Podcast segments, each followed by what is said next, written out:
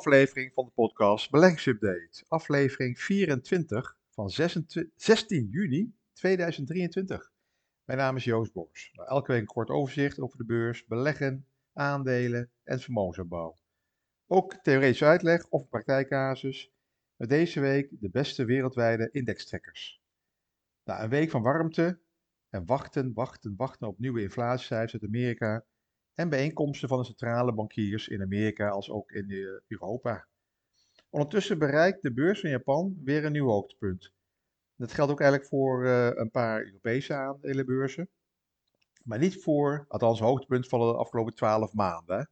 Dan zou de AX bijvoorbeeld 840 moeten staan. Ja, de AEX blijft dus wat achter. Dus gelijk bij de Duitse beurs.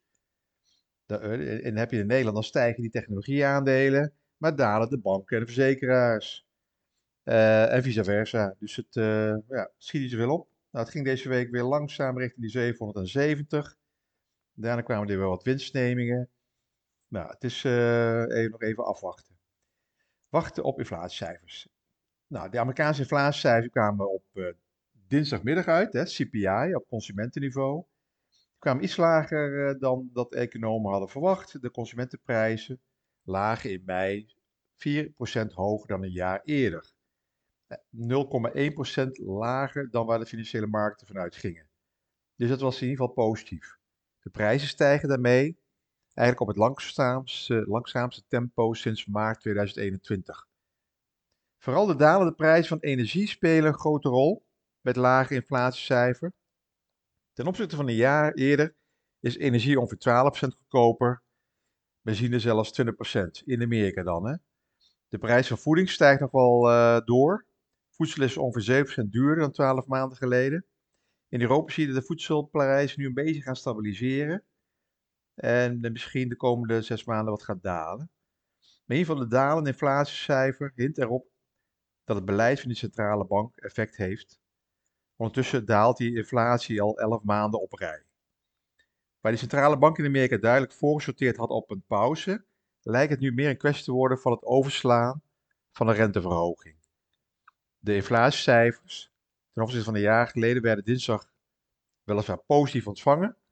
Maar het inflatieniveau blijft natuurlijk in het algemeen nog duidelijk te hoog. 4% is 4%. is nog steeds geen 2 of 2,5%. Belangrijker nog, het is onzeker of het, de neerwaartse trend in die kerninflatie voldoende in gang is gezet. Daarom blijft de renteverhoging in bijvoorbeeld juli of oktober, dus na de zomer misschien, nog voorspelbaar tenzij de economie alsnog duidelijk in de recessie raakt. Ja, dat, uh, woensdagavond maakt die Fed dat ook bekend. Ze laten ze, ze pauzeren even, dus geen renteverhoging, het blijft op die 5%. Maar ze zeggen duidelijk dat het niet betekent dat, dit dat er geen renteverhoging meer aan zullen komen. dus het valt nog te bezien na de zomer. Als de cijfers tegenvallen, dan zullen ze gewoon doorgaan met het verhogen van de rente. Nou, dat was de centrale bank. Nu nog even wat bedrijfsnieuws. Uh, woensdag kwam Shell met het bericht dat ze iets meer gaan doen om de aandeelhouderswaarde te verhogen. Shell verhoogt het dividend met 15%, alweer een verhoging, en gaat 2 miljard tot 3 miljard aan jaarlijkse kosten besparen. Ook gaan de investeringen met enkele miljarden per jaar omlaag. Shell heeft woensdag in New York geprobeerd grote beleggers van te overtuigen dat, uh, dat Shell een minstens zo aantrekkelijk belegging is als Amerikaanse tegenhangers, de Exxon en Chevrons van deze wereld. Nu wordt Shell op de beurs tot wel 70% minder gewaardeerd dan Amerikaanse olieconcerns. Nou, ik vind het een beetje een hele grote discount. Volgens mij is het wat minder, maar, maar in ieder geval, het is een heel mooi bedrijf. Shell met een stevig dividend. Ze kopen ook eigen aandelen terug. En zijn bezig met een historische transitie naar een meer duurzame groen bedrijf. Misschien toch wel interessante belegging, zeker voor het dividendrendement. ik had ook een paar keer gezegd, uh, Nationaal Nederlanden is ook zo een die een behoorlijk stevig dividendrendement geeft van 6, 7 procent. Nou, Shell zit ook aan de hoge kant. Nou, theoretisch uitleg een beetje. De, de laatste 10 tot 15 jaar zijn indextrekkers en modelportefeuilles met indextrekkers steeds populairder geworden. Ik heb zelf ook zo'n portefeuille voor mijn pensioenopbouw die volledig uit indextrekkers bestaat. Nou, nou, wat zijn indextrekkers eigenlijk? Daar gaan we zo meteen over. Indextrekkers zijn door de jaren heen in populariteit zijn ze behoorlijk toegenomen. En dat is niet zonder reden. die trackers, ook wel ETF's genoemd, zijn vooral interessant voor de passieve belegger. Dit is doorgaans de belegger die niet uren, jaarafslagen wil doorspitten of bedrijven met elkaar wil vergelijken en de hele dag niet de beurs wil kijken. Waarom probeer je de markt te verslaan terwijl uh, de markt ook vrijwel één op één kunt uh, bijblijven? Je kan gewoon de, de markt gewoon één op één blijven volgen, een index. Een trekker volgt bijvoorbeeld een selectie aandelen uit een bepaalde sector of regio. Indextrekkers volgen een index, dit kan bijvoorbeeld de AX zijn, of de Duitse DAX of de Amerikaanse S&P 500. Nou, indexbeleggen is dus uh, de eenvoudigste en goedkoopste manier om ook met een relatief klein bedrag goed gespreid en internationaal te beleggen. Met één transactie is het immers mogelijk om tegen lage kosten in een complete beursindex te beleggen. Met als uh, positief uh, extra bonus daar een mooi lang jaar gemiddeld rendement. als, je op, als je heel lang belegt, heb je misschien een lang jaar gemiddeld mooi rendement. Vandaag de dag is die indextrekker dus niet meer weg te denken uit uh, vele portefeuilles. Nou, de beste wereldwijde indextrekker in aandelen volgens Morningstar.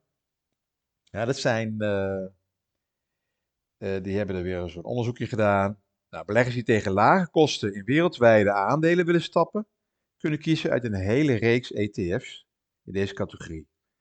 We bekijken een paar ETF's in wereldwijde aandelen die Morningstar uh, rating hebben van gold. dat is de hoogste rating van Morningstar. Nou, eigenlijk waren die, zijn die wereldwijde aandelen, ETS, tot dusver de populairste categorie onder Europese beleggers. Die netto instroom aan nieuw vermogen tussen januari en eind mei was ongeveer 10 miljard euro. Beleggers stappen in ETS om tegen laagkosten kosten te kunnen profiteren van een stijgende aandelenmarkt. Of gewoon om te kunnen beleggen tegen lage kosten. Oké, okay, uh, even kijken. Je hebt er een paar, die Morningstar, ik zal een paar noemen. De iShares Core MSCI World ETF. Is ongeveer 85% van de wereldwijde marktkapitalisatie dekt. Leverde een voor risico gecorrigeerd rendement boven de categorie en benchmark gemiddelde over verschillende tijdshorizon. Dit komt door die optimalisatie van de portefeuille en de fiscale voordelen, omdat ze in Ierland uh, genoteerd zijn, gevestigd zijn, als vestigingsplaats. Dus scheelt in de dividendbelasting. Nou, de volgende X-trackers, X-trackers, MSCI, All Country World, ESG, dat is een groene, duurzame ETS. Is een van die populairste fondsen in de eerste helft van het jaar en kenmerkt zich door een focus op duurzaamheidscriteria. Deze indextrekkers beleggen in aandelen van grote en middelgrote bedrijven die genoteerd zijn op internationale markten en die voldoen aan bepaalde uh, duurzaamheidsvereisten en die ook nog CO2-uitstootarm zijn. Nou, daar heb je alles mee. Nou, eveneens met uh, goud uh, gerand is de Vanguard FTSE Developed World ETF's die ongeveer bijna 99% van de ontwikkelde marktkapitalisatie vertegenwoordigt, met een focus op de grotere, de, de large cap aandelen, large cap bedrijven. Met een oplopende kostenfactor van 0,12% is het een van de goedkoopste instrumenten in deze categorie. Ja, je weet vanuit het verleden wat ik altijd zeg. Als je in uh, beleggingsfondsen of in indextrek zit en je hebt een paar goede, dan kan je heel goedkoop beleggen en hoe lager de kosten zijn, zeker op lange termijn, 10, 15, 20 jaar, scheelt dat enorm in je rendement. Oké. Ik noem er nog één. En dat is dan eentje van iShares, de Core, iShares Core MSCI World ETS. En deze is van BlackRock. Alle iShares zijn van uh, BlackRock. En wordt veel in Nederland gebruikt in modelportefeuilles voor particulieren, bij grootbanken, uh, bijvoorbeeld in de Rabobank zitten ze. Rabobank heeft allemaal modelportefeuilles, dus heel veel van BlackRock, heel veel iShares, indextrekkers bij. Nou ja, er zijn er tegen duizend soorten indextrekkers. Regionale, uh, sectorale, thematische of gewoon de algemene index. Elk hebben een andere specifieke insteek. Ja, het wordt ook natuurlijk een marketingverhaal. Als er een sector of een thema goed is, dan komt er zo'n indextrekker. Er wordt van alles gecreëerd. De grootste spelers zijn BlackRock, State Street en Vanguard. Dat zijn echt de, drie, de top drie. Nou, en wie is nou die BlackRock, waar ook de Rabobank mee, eh, waar heel veel Nederlandse banken en vermogensbeheerders zaken mee doet? En ja, waarom maakt men eigenlijk zich zorgen de laatste anderhalf jaar op die macht van BlackRock? Het bedrijf BlackRock is opgericht in 1988 door Larry Fink en zeven collega's. Het was aanvankelijk een onderdeel van Blackstone Group. Het begon als risicomanager en belegde voornamelijk in obligaties. In 1992 werd de naam BlackRock geïntroduceerd en namen ze ook afscheid van die Blackstone Group. Aan het einde van het jaar had BlackRock ongeveer zo'n 17 miljard aan vermogen onder beheer. Dat is in 1992. Nou, ultimo 2022 was het bedrijf BlackRock de grootste vermogensbeheerder ter wereld met een belegd vermogen van bijna 10 biljoen dollar. Hiervan is de helft belegd in aandelen en een derde in obligaties en andere vastrentende beleggingen. Uh, het vastgoedgedeelte zit in Blackstone Group. Blackstone heeft ook heel veel vastgoed in Amsterdam. Maar dat is een ander bedrijf. Ik heb het nou over BlackRock. Nou, het beheert vermogen. Eh, BlackRock beheert vermogens van instellingen zoals pensioenfondsen en verzekeraars. Maar heeft ook uh, ETS, Exchange Traded Funds, de index trackers, voor particulieren met het merknaam iShares.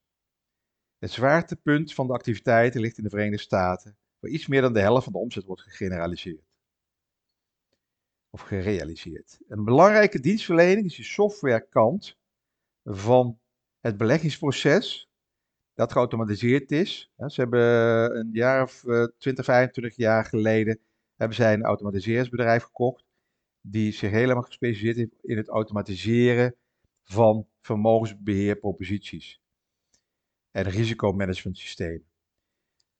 En zijn belangrijke dienstverlening wordt aangeboden aan uh, wereldwijd aan, pensioenfondsen nou, hierdoor heeft BlackRock nog meer vermogen onder beheer, gedeeltelijk beheer, en toegang, toegang tot pensioenfondsenkapitaal. Ook de Nederlandse pensioenfondsen hebben daar eh, te maken met BlackRock. Ja, per uh, ultimo 2022 heeft het bedrijf ongeveer zo'n 17.000 medewerkers in dienst. En zit in 30 landen hebben ze vestigingen. Nou, controversieel is die CEO van BlackRock, Larry Fink, hij is wel uh, controversieel. Hij roert zich stevig in het politieke als het klimaatdebat. Zijn bedrijf doneert veel geld aan een democratische partij in Amerika en krijgt hiermee ook politieke steun. Er wordt ook gezegd dat hij zich waarschijnlijk een keer uh, kandidaat gaat stellen voor het presidentschap van uh, Amerika. Nou, zo zie je, dan weet je ongeveer waar de macht ligt hè, in het beleggingsland. BlackRock, Vanguard, State Street, maar vooral BlackRock is een hele grote, machtige speler, ook met veel politieke invloed. Nou, dank voor het luisteren. Alles op persoonlijke titel, geen direct beleggingsadvies. Vraag altijd advies aan je eigen adviseur en alles op basis van openbare informatie. Tot de volgende week.